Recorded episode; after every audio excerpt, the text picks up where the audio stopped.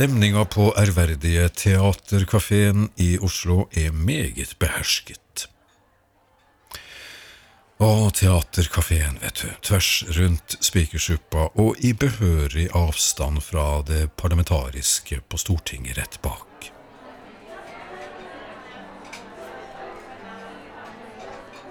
Jeg studerer menyen.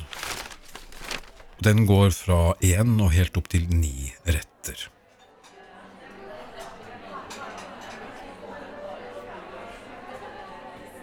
Det blir ingen niretters på meg på Teaterkafeen i dag, kjenner jeg, men jeg greier likevel å sprenge både dagens og morgendagens matbudsjett ved å bestille sjøkrepssuppe og husets kaffe.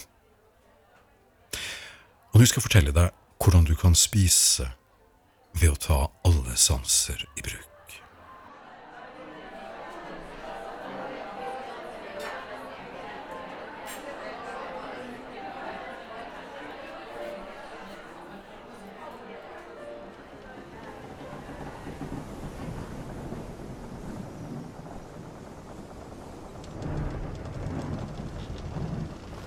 Det første først.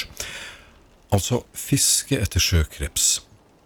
Sjøkreps heter på latin Nefrops norvegicus. Det er Carl von Linné som har satt navn på den i 1758. Fiske er et håndverk forbeholdt de få. Ifølge fiskerikilder så foretrekker oppkjøperne teinefanget sjøkreps, og ikke den mer maskinaktige trålinga som skjer på inntil 150 meters dyp.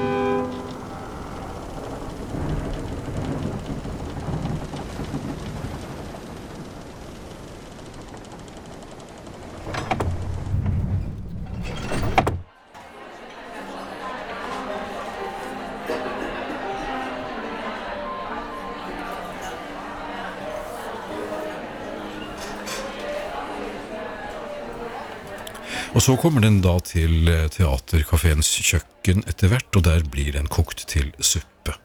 Og regner med at det er en yrkeshemmelighet, hvordan den blir kokt til suppe, så det er ikke vits i å spørre kokken engang. Hvor lenge har de hatt den på menyen? Antagelig siden journalist og estetiker eh, Arne Hestenes holdt hus her, der han helt sikkert satt i kremhvit dress og spiste sjøkrepssuppe som om det var hverdag, og som om lommeboka ikke hadde noen ende.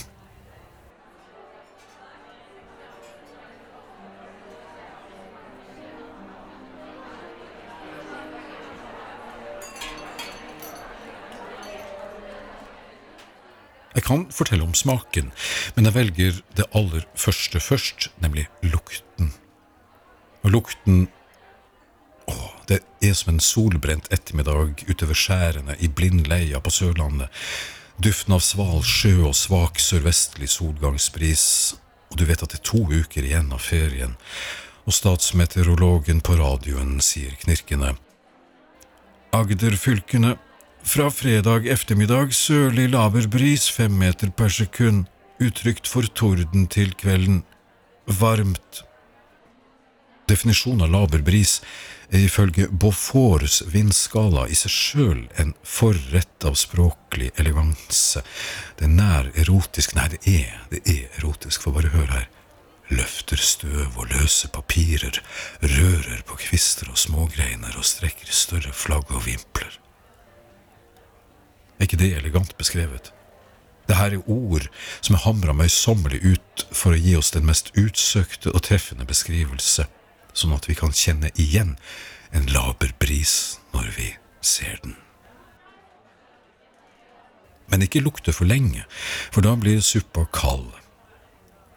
Og så og så er det smaken. Jeg setter skjeen til munnen, og når suppen treffer tungespissen, da er det som om noen utvalgte, løse papirer løfter seg. Antagelig så er det bare menyen, men likevel. Og vimpelen på Nationaltheatret tvers over gaten løfter seg og strekker seg ut, og det stiger noe støv fra en eldre kvinne som sitter på et bord tvers over meg og ligner foruroligende på dronning Margrethe og kvistene utenfor knirker og kvitrer som nyklekte påskekyllinger, og jeg kjenner at suppen synker, og suppen er i et slags nytelsessentrum som jeg ikke visste at jeg hadde. Jeg treffer delen av en sjøkrepshale med fortennene, og jeg biter. Og den får følge av to ah, baby.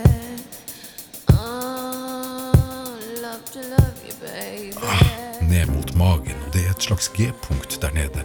Og jeg sier ah, enda en gang.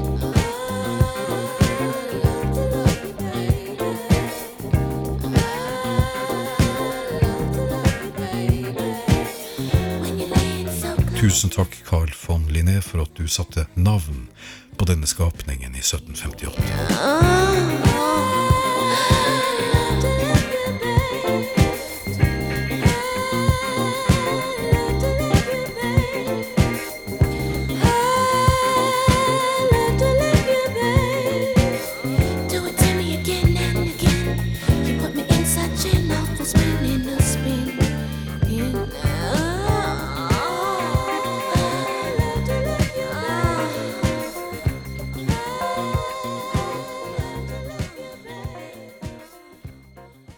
så er det dette skummet på toppen. Og før jeg får sukk for meg, så er det husets kaffe. Jeg puster fort.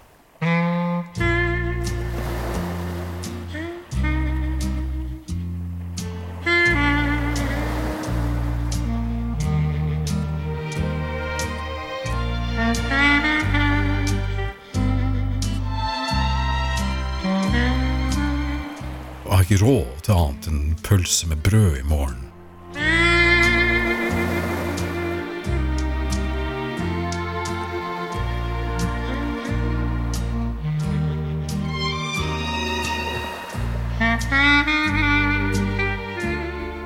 Og så kommer kelneren til bordet, og han stiller det overflødige spørsmålet.